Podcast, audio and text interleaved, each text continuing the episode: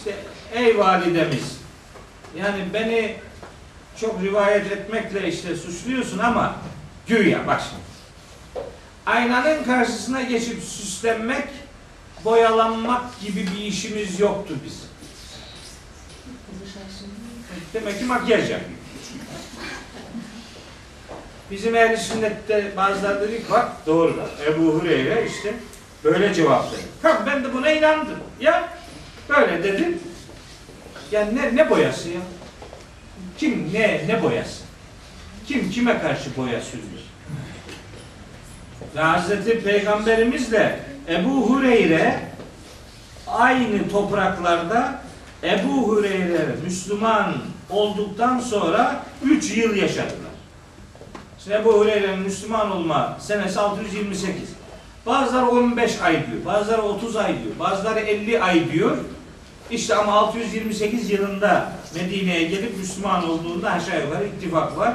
Ne olursa olsun 3 sene beraber olduğu bir peygamberden bilmem kaç bin tane hadis rivayet etti Ebu Hureyre. Ebu Hureyre'nin böyle yoğun bir hadis nakledicisi olduğunu biz biliyoruz. Ama Hazreti Ayşe çok güzel bir sübap vazifesi görmüş. Mesela bu konuda bunu söylüyor. Hatta diyor ki kim İsra gecesi, miracı da demiyor bak. İsra gecesi kim? Peygamber cesediyle yatağından kalktı, Kudüs'e, Mescid-i Aksa'ya gitti derse peygamberin getirdiğini inkar etmiştir. Çünkü o bedeniyle hiçbir yere gitmedi. İsra onun ruhen Cenab-ı Hakk'ın ona yaşattığı muhtemelen bir rüyadır. Zaten İsra suresinin ilerleyen ayetleri onun rüya olduğunu söylüyor.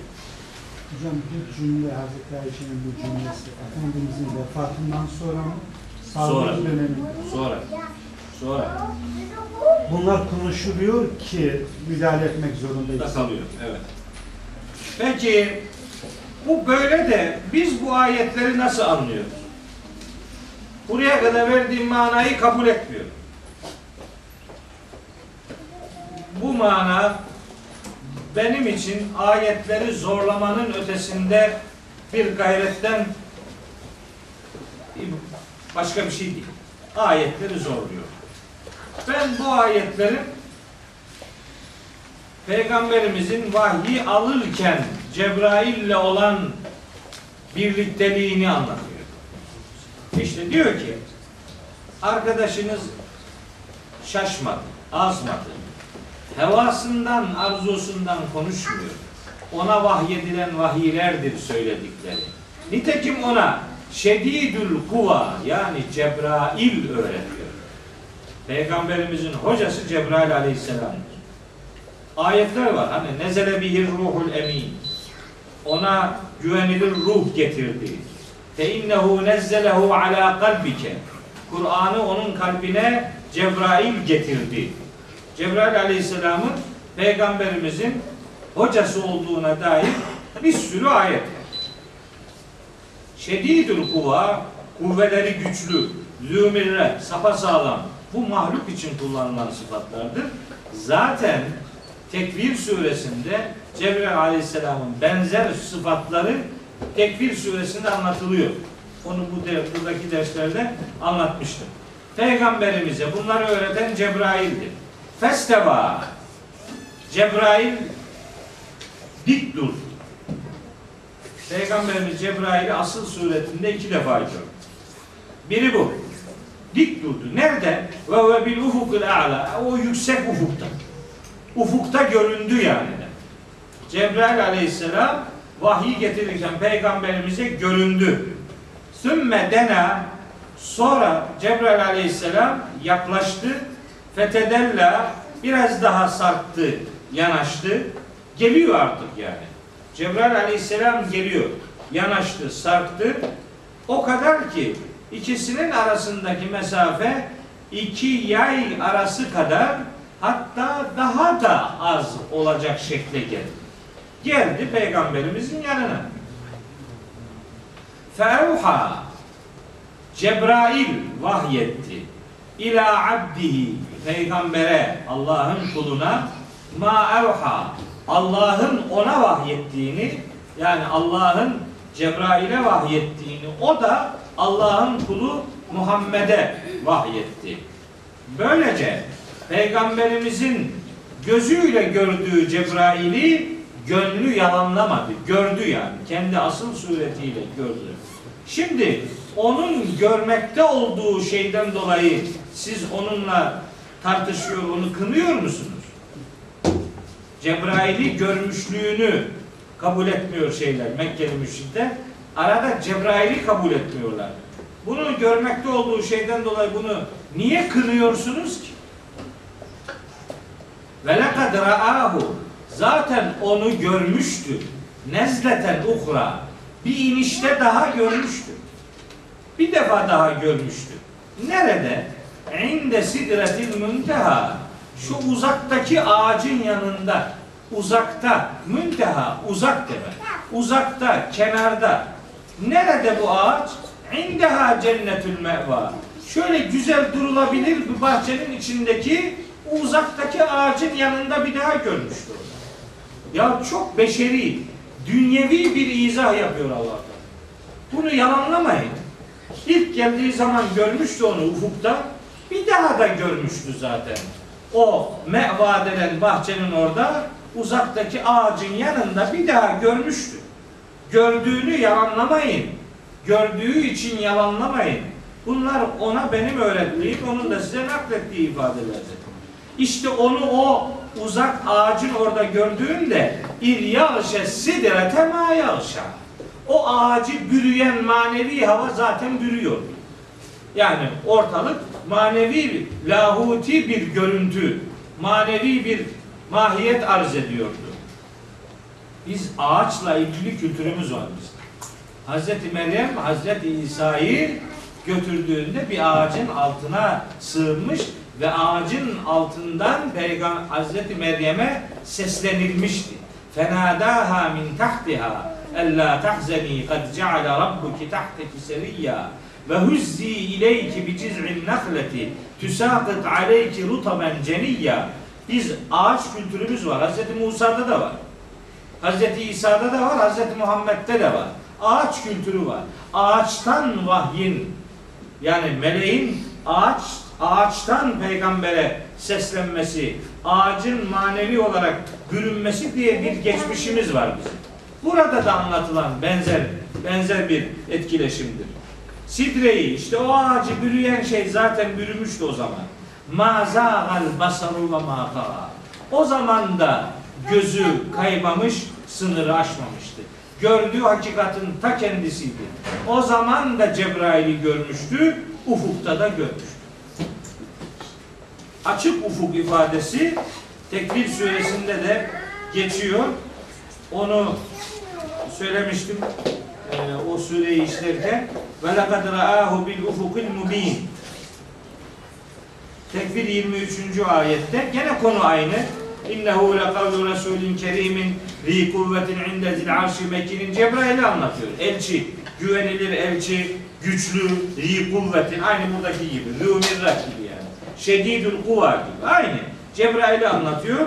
Onu alakad ra'ahu onu görmüştü bil ufukil mubin. Açık ufukta onu görmüştü. Onu dedi Cebrail aleyhisselam. Peygamberimiz Cebrail aleyhisselam asıl suretinde iki defa görmüştü. Biri o Tekvir 22 ve Necm suresinin bu eee 7 8. ayetleri o ilk grup ayet. İkinci görüşü de bir daha görüşü de o cennet dediği, bahçe dediği yerde uzak sidre, uzak bölgedeki sidre ağacının yanında iki defa gördü asıl suretinde. Hazreti Ayşe öyle diyor. Peygamberimiz Cebrail Aleyhisselam'ı asıl suretinde iki defa gördü. İşte ikisine de bu surede işaret var. Peki hocam Alak suresi geldiği zaman ilk gördüğünde hani hep suretinde gördük falan. Ben bu ilk ilk şurada festeva ve huve bil ufukil a'la thumma dena bunun o olduğunu düşünüyorum. O. ilk vahiy aldığında ki manzarayı anlatıyor. Zaten tartışılan konu bu. Adamlar peygamberin vahiy almışlığını kabul etmiyor. Peygamberimizin vahiy nasıl aldığını Cebrail'in nasıl temessül ettiğini, nasıl peygamberimize gözüne göründüğünü, peygamberimizin o andaki psikolojisinin ne olduğunu işte böyle anlatıyor. Zor bir iş bu bunu kavramak.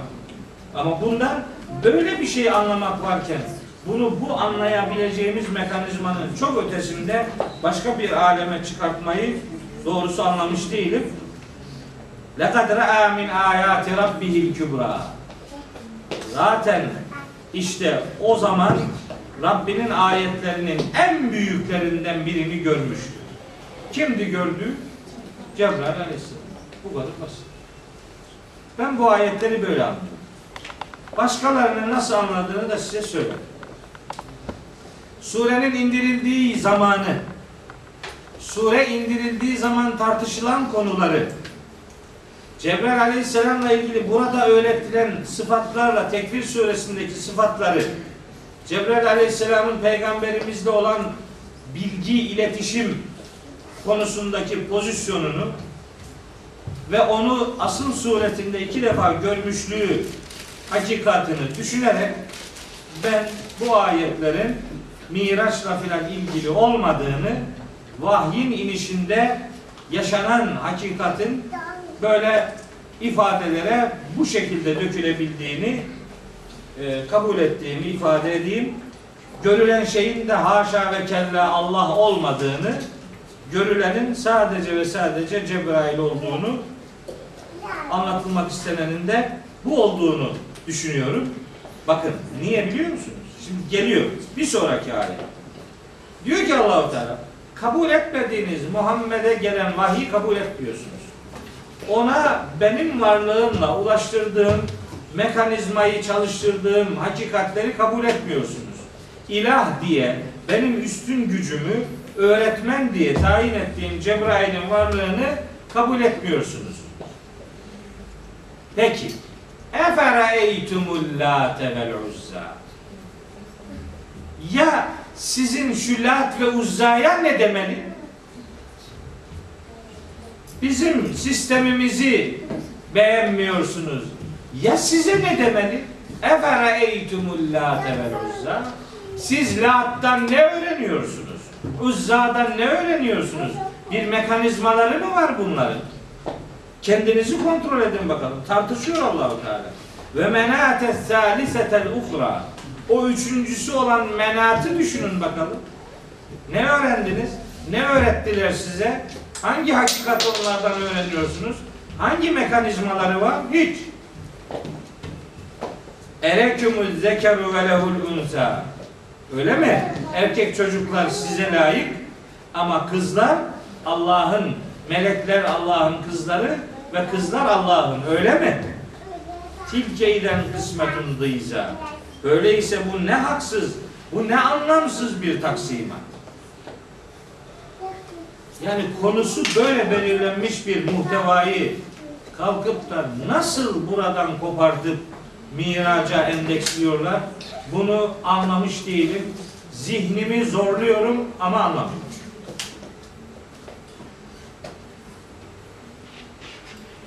Tartışılan konu başka. Mesele başka. Cevaplar anlaşılıyor. Ben bunu anlıyorum. Cebrail Aleyhisselam'la Peygamberimizin vahiy alışverişinde yaşadığı şey böyle bir şey işte. Çünkü çok karşı çıkıyorlar. Çok bunaltıyorlar. Yok mu? Sizin anlattığınız şekilde anlatan. Yazık ki yok. Yani bu konuda benim gözümü Süleyman Bey'in açtığını söyleyeyim. Tabi ona hep minnet ve şükran ifadelerimi her vesileyle yineliyorum. Bana Kur'an'la nasıl konuşulacağını öğretti. Bir, bir konuda kanaat sahibi olmadan önce Kur'an'a ön yargısız bak- bakmak gerektiğini öğretti. O öğretiyle başka bir taraflara bakmadan tek başına özellikle ayetlerle konuşul- konuşulunca işin hakikatinin bu olduğu gün gibi aşikar. Bakın meseleyi Miraç'la ilişkilendirdikleri için ve Necmiye peygamber dediler, hevaya yükselmek dediler. Nasıl bir iş bu iş? Nereye yükseliyor? Haşa ve kella. Allah neredeki yanına gidiliyor? Siz miracı biliyorsunuz anlatılan şeyleri. Ona inanılmanın ötesinde onu anlamak mümkün mü? Miraca sadece inanılır. O anlaşılmaz. Mümkünatı yok. Gidersem diyor Cebrail aleyhisselam buradan ileri gidersem yanarım. Allah Allah. Ve subhanallah. Onun oradan o yana gidemeyeceğini peygamber bilmiyor mu sanki? O kadar şeyi bilen onu bilmiyor. İki de bir Cebrail aleyhisselam sıkıntıya giriyor. Yolculuk büyük problem. Niye böyle şeylere ne gerek var? İşte indiriyor ya hakikat. Burada serlevha olarak önümüze konuyor. Böyle kabulü, insanın zihnini allak bullak edecek şeylere ne gerek var?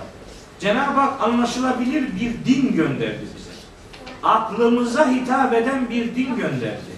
Niye ikide bir aklımızı devre dışı bırakacak rivayetlere, kanaatlere e, mecbur kalıyoruz da sonra ayetlerle lüzumlu lüzumsuz uğraşmaya başlıyoruz? Bu içerikte 19. ayeti de anlıyorum, 20'yi de anlıyorum, 21'i de anlıyorum, 22'yi de anlıyorum, hatta 23'ü tam anlıyorum. Öyle diyor. İn hiye illa esmaun semmeytumuha entum ve abaukum. Bu, bu, bu putlara verdiğiniz bu isimler sizin ve babalarınızın taktığı lüzumsuz isimlerden başka bir şey değil. Ma enzelallahu biha min sultanin. Allah'ın bu konuda hiçbir otoriter bilgisi yok. Allah'ın size indirdiği hiçbir delil yok, hiçbir bürhan yok. Kendi başınıza, kendiniz çaldınız, kendiniz oynuyorsunuz. Put diye ilan ettin, Allah'ın kızı var dedin, melekler dişidir dedin, dişiler Allah'a layıktır dedin. Bir şirk portresi çizdin, ona inanıyorsun. Oysa benim sistemim Cebrail'le peygamberi buluşturan bir eğitim sistemi. İşte bunun nasıl buluştuğunu da böyle anlatıyor. Hatta şedidül kuva diyor peygamberimizin hocasına Cenab-ı Hak. Kuvvetleri güçlü olan, kuvveleri güçlü olan. Hatta Tekvir suresinde de Kerim diyor. İnnehu lekavlu resulin kerim. Değerli bir elçi. Zi kuvvetin inde dil arşi. Arşın sahibinin yanında güçlü, Muta'in semme. Orada itaat edilir kendisine. Eminin, güvenilir bir hoca. Cebrail Aleyhisselam'ı anlatıyor. Niye ikide bir Cebrail'in özelliklerine vurgu yapıyor? Çünkü hoca kaliteliyse talebe de kaliteli olur. Onun için. Oysa Mekkeli müşrikler peygambere öyle demiyorlar. Onlar peygamberin hocası diye ne diyorlardı Nahl suresinde? Lekad na'lemu ennehum yekulune innema yuallimuhu beşer.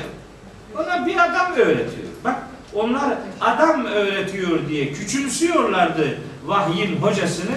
Cenab-ı Hak inadına karşısına kuvveleri güçlü, muhakemesi güçlü, sapa sağlam, güvenilen, itaat edilen diye ne kadar üstün sıfat varsa bir mahluka verilebilecek o sıfatları Cebrail'e veriyor. Vahyin hocalığını yapan Cebrail'in gücüne gönderme yapıyor ki talebenin kalitesi de kendiliğinden ortaya çıksın diye. Bu kadar ayakları yere basan bir konuyu o kadar anlaşılmaz yapmayı doğrusu hala daha anlamış değil. Ama ben bu anlayışımda mutluyum.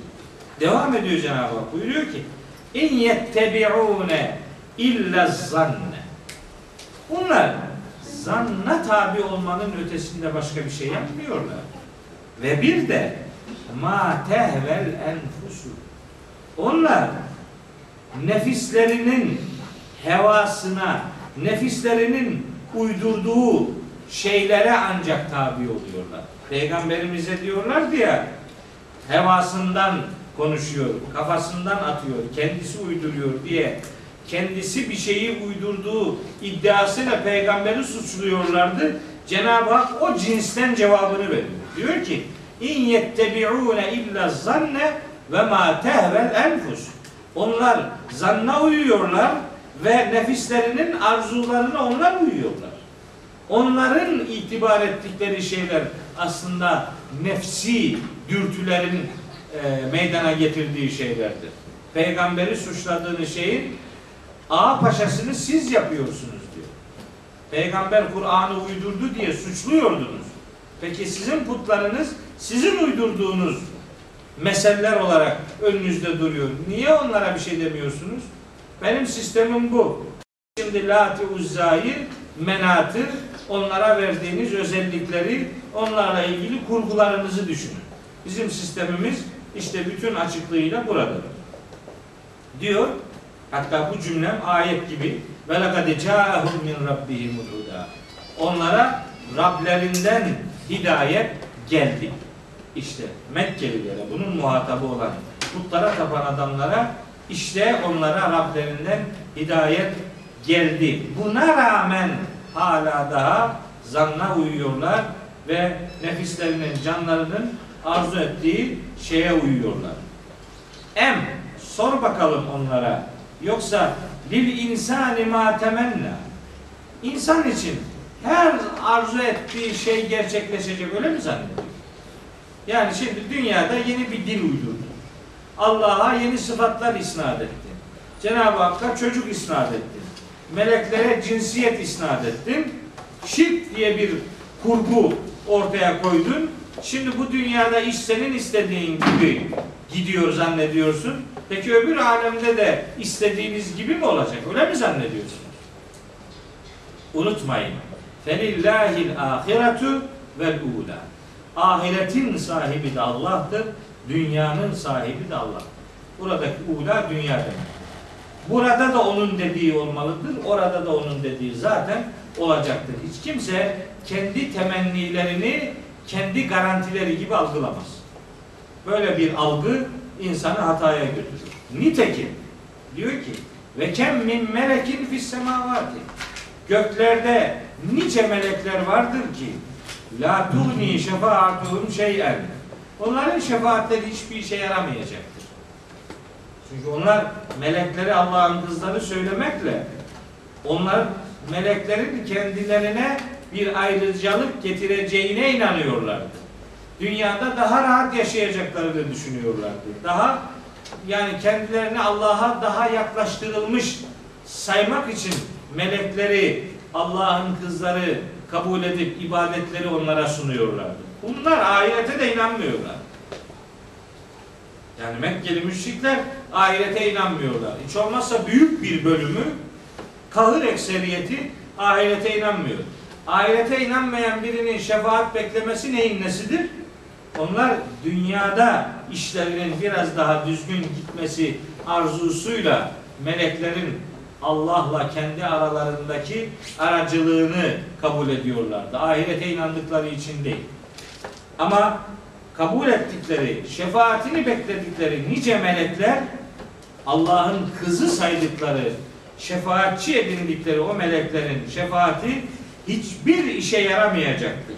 İlla ancak min ba'di en ye'den Allahu Allah'ın izin vermesinden sonra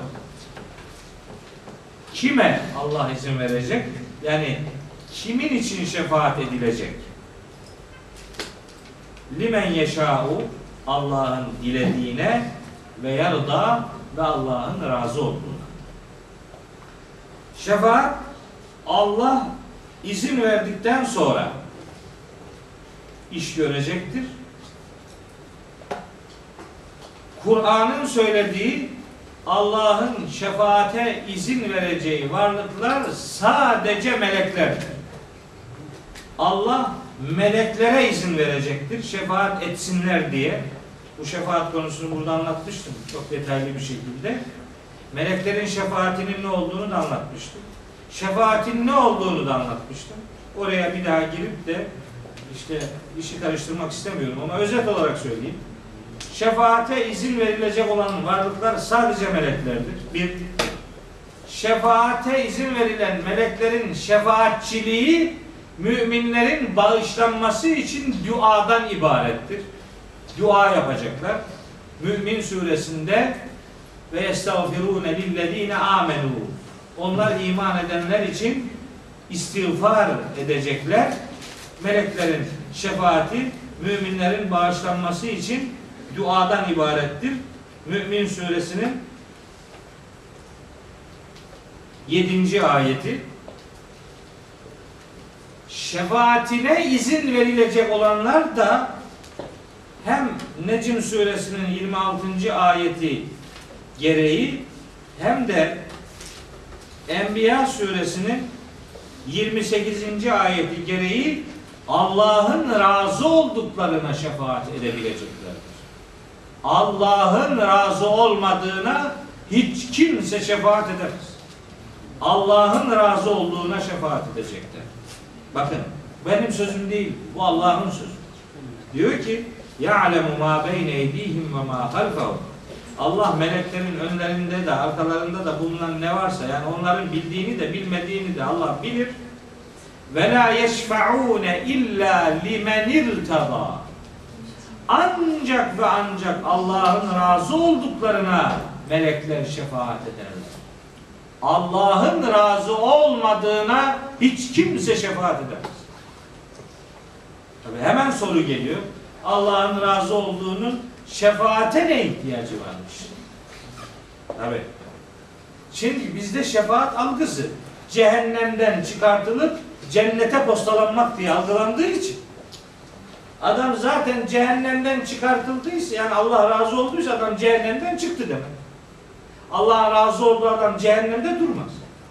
Hatta Allah'ın razı olduğu adam cehenneme hiç girmez zaten. Bizde öyle defoluyla kabuller var ki biz bütün müminleri bir cehenneme sokuyoruz. Nişanlı danalar gibi kafalarına damga vuruyoruz. Heh, bu cehennemden çıktı. Ha, buna öyle bak. Adam hem cennete sokuyorsun hem diyorsun ki bu damgalıdır bak.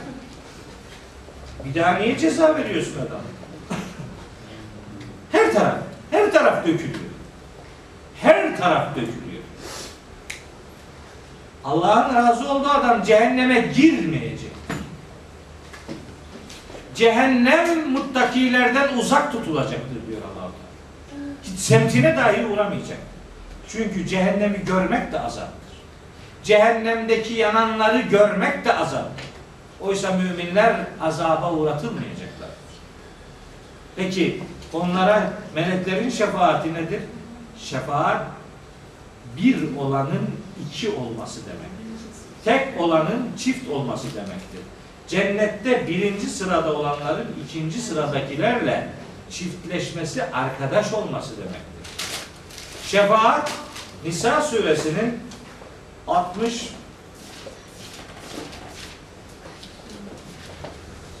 69. ayetine göre aslında şefaat bakın ne diyor orada. Ve men yuti'illâhe ve rasûle Allah'a ve peygambere itaat edenler fe ulaike ma'allezîne en'amallâhu aleyhim onlar Allah'ın nimet verdiği şu dört grup insanla birlikte olacaklar.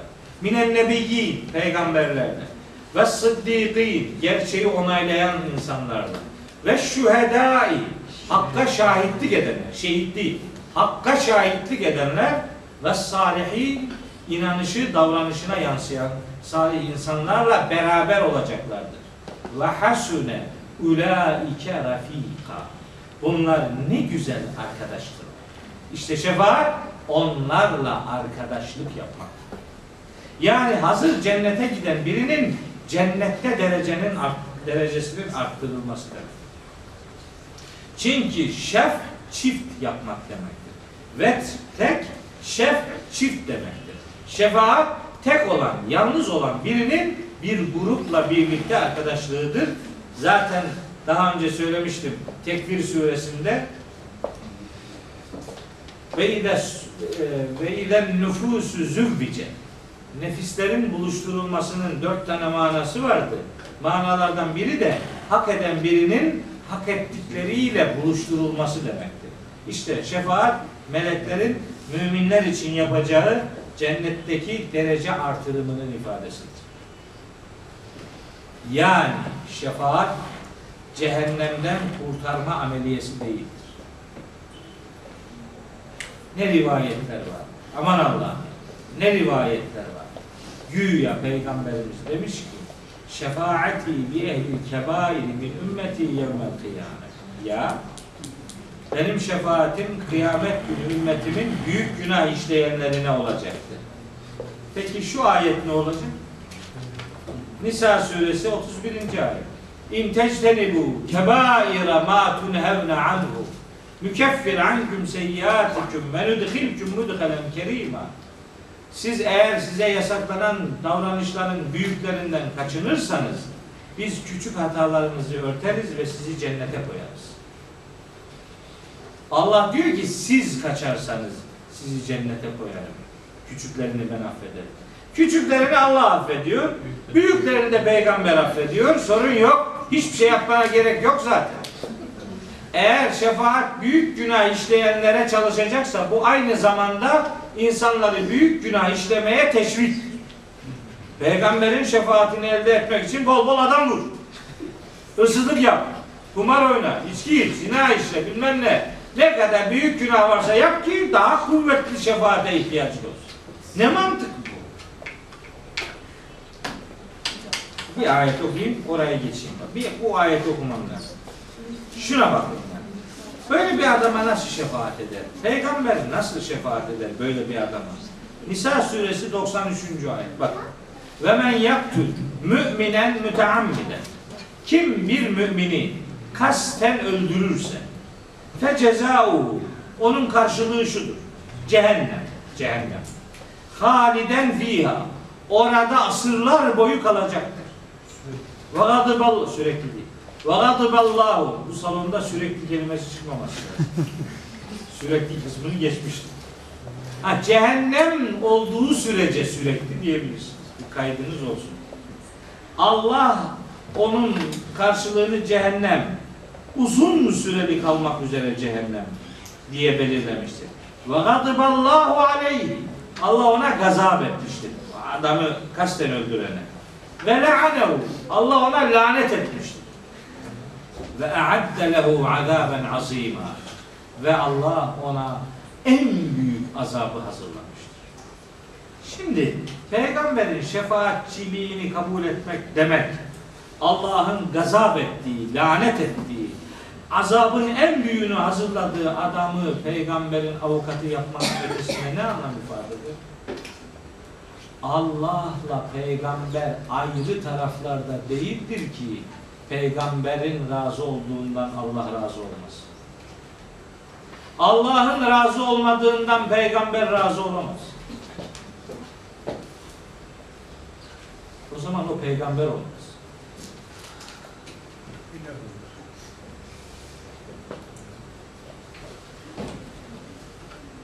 Biz Allah'ı sadist bir varlık gibi gördüğümüz için şefaat diye bir kurum ihdas ettik. Bize Allah sadist, mazoşist bir varlık gibi tanıtıyor şiddetten, öfkeden, kinden beslenen bir varlıkmış gibi. Hani şey, caddenin başında zabıta memurları vardır ya, işportacıları kovalayan.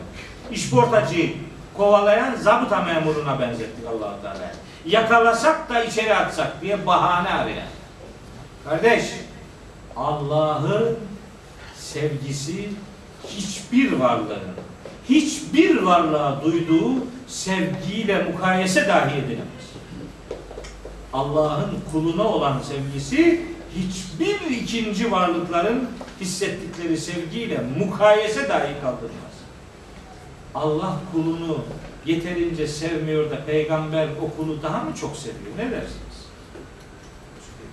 Yok yok. Bunları böyle kabul etmek insanı sorumluluk sahibi yapar. Öbür türlü boş vermişlik hayata hakim olur. Ve en leyse aklında okuyacağız bir dahaki ders. Ve en leyse lil insani illa ma sa'a. Ve enne sa'yehu sevfe yura. Herkes kendine yaptıysa onun için o var. Biz Allah'tan toplu bir af bekleriz ama Allah'tan bekleriz. Bunun ötesindeki şefaat diye kabul ettiğimiz kurum insanları maalesef yazık ki böyle bir uyuşukluğa, tembelliğe, vurdum duymaz bir hayat e, yaşamalarına onları iten bir kuruma dönüştü. İşte Allahu Teala Mekkeli müşriklerin böyle bir şefaat beklentisini de ebediyen iptal ettiğini, şefaati meleklere özel kıldığını, onların da şefaati inanan yani Allah'ın razı olduğu insanları Cenab-ı Hakk'ın ödüllendirmesi için bir niyaza yönlendirmek manasını aldığını ifade ediyor. Bir sonraki ayeti, bir iki ayeti daha kısaca söyleyip bitiriyorum. Bu adamlar innellezine la yu'minune bil ahiret. Bunlar zaten ahirete inanmıyor bu Mekkeli müşrikler. Le yusemmûnel melâikete tesmiyete unsa. Meleklere dişi isimler veriyor bu adamlar. Ve ma lehum bihi min ilmin. Onların bu konuda hiçbir bilgisi yok. Meleklerin nasıl yaratıldığını bilmezler. Öyle diyor Zuhruf suresinde. Eşehidû halkahum. Meleklerin yaratılışına şahit mi oldular bu adamlar? Meleklerin yaratılışına şahit mi oldular ki melekler kızdır diyorlar. Setükte bu şehadetuhum ve yüselûn. Eğer öyleyse şahit oldularsa onların şahitliklerini şahitlikleri yazılacak ve yaptıkları onlara teker teker haber verilecektir.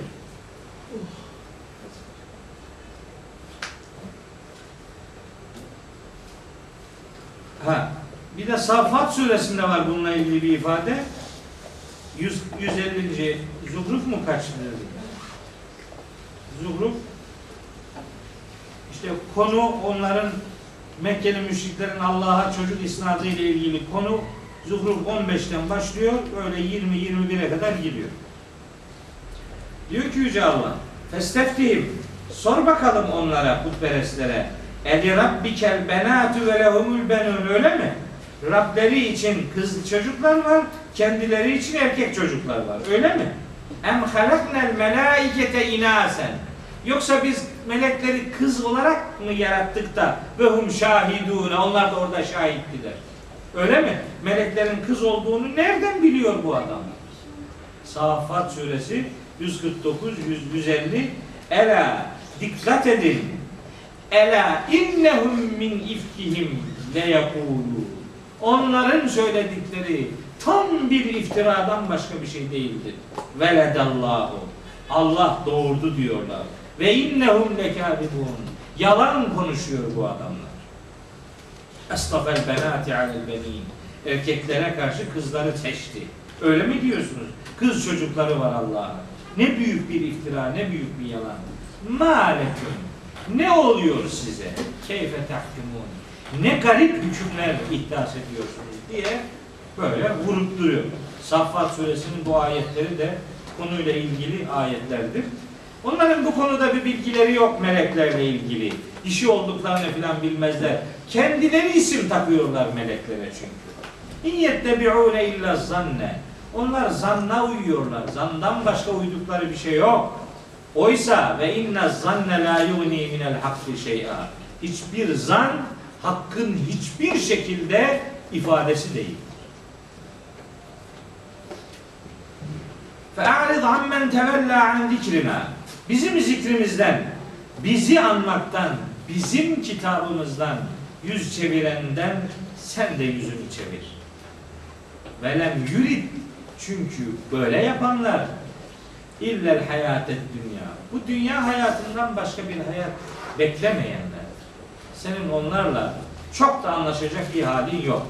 Bizim zikrimizden yüz çevirenleri Allah'ı anmaktan yüz çevirenler diye tercüme ediyorlar. O kadar basit değil. Zikir Kur'an'ın adıdır. Kur'an'dan yüz çevirenler dünyadan başka bir hayat aslında özlemeyenlerdir. ذَٰلِكَ مَبْلَغُهُمْ مِنَ الْعِلْمِ İşte onların bilgi dedikleri, ulaştıkları son sınır budur. İnne rabbeke huve a'lemu bimen dalle an sebili. Senin Rabbin onun yolundan sapanı çok iyi bilir. Ve huve a'lemu bimen ihteda. Doğru, hakikat yoluna kimin uyduğunu da çok iyi, gayet iyi bilen işte Allah'tır diyor. Ve bu 30 ayet bölüm burada böylece sona ermiş oluyor. İşte Necm suresinin 9 ayeti aşağı yukarı yani elbette her söylenmesi gerekeni söylediğim iddiasında değilim ama benim mantığımın ayetlerle ilgili nasıl çalıştığını bu vesileyle sizlere özetlemiş oldum. Haftaya inşallah kalan 30 32 ayeti bitirir. Böylece Necm suresini Kur'an'ın ışık saçan bu güzelim suresini sizlerle paylaşmış olduk. Evet. Allah'a emanet olun.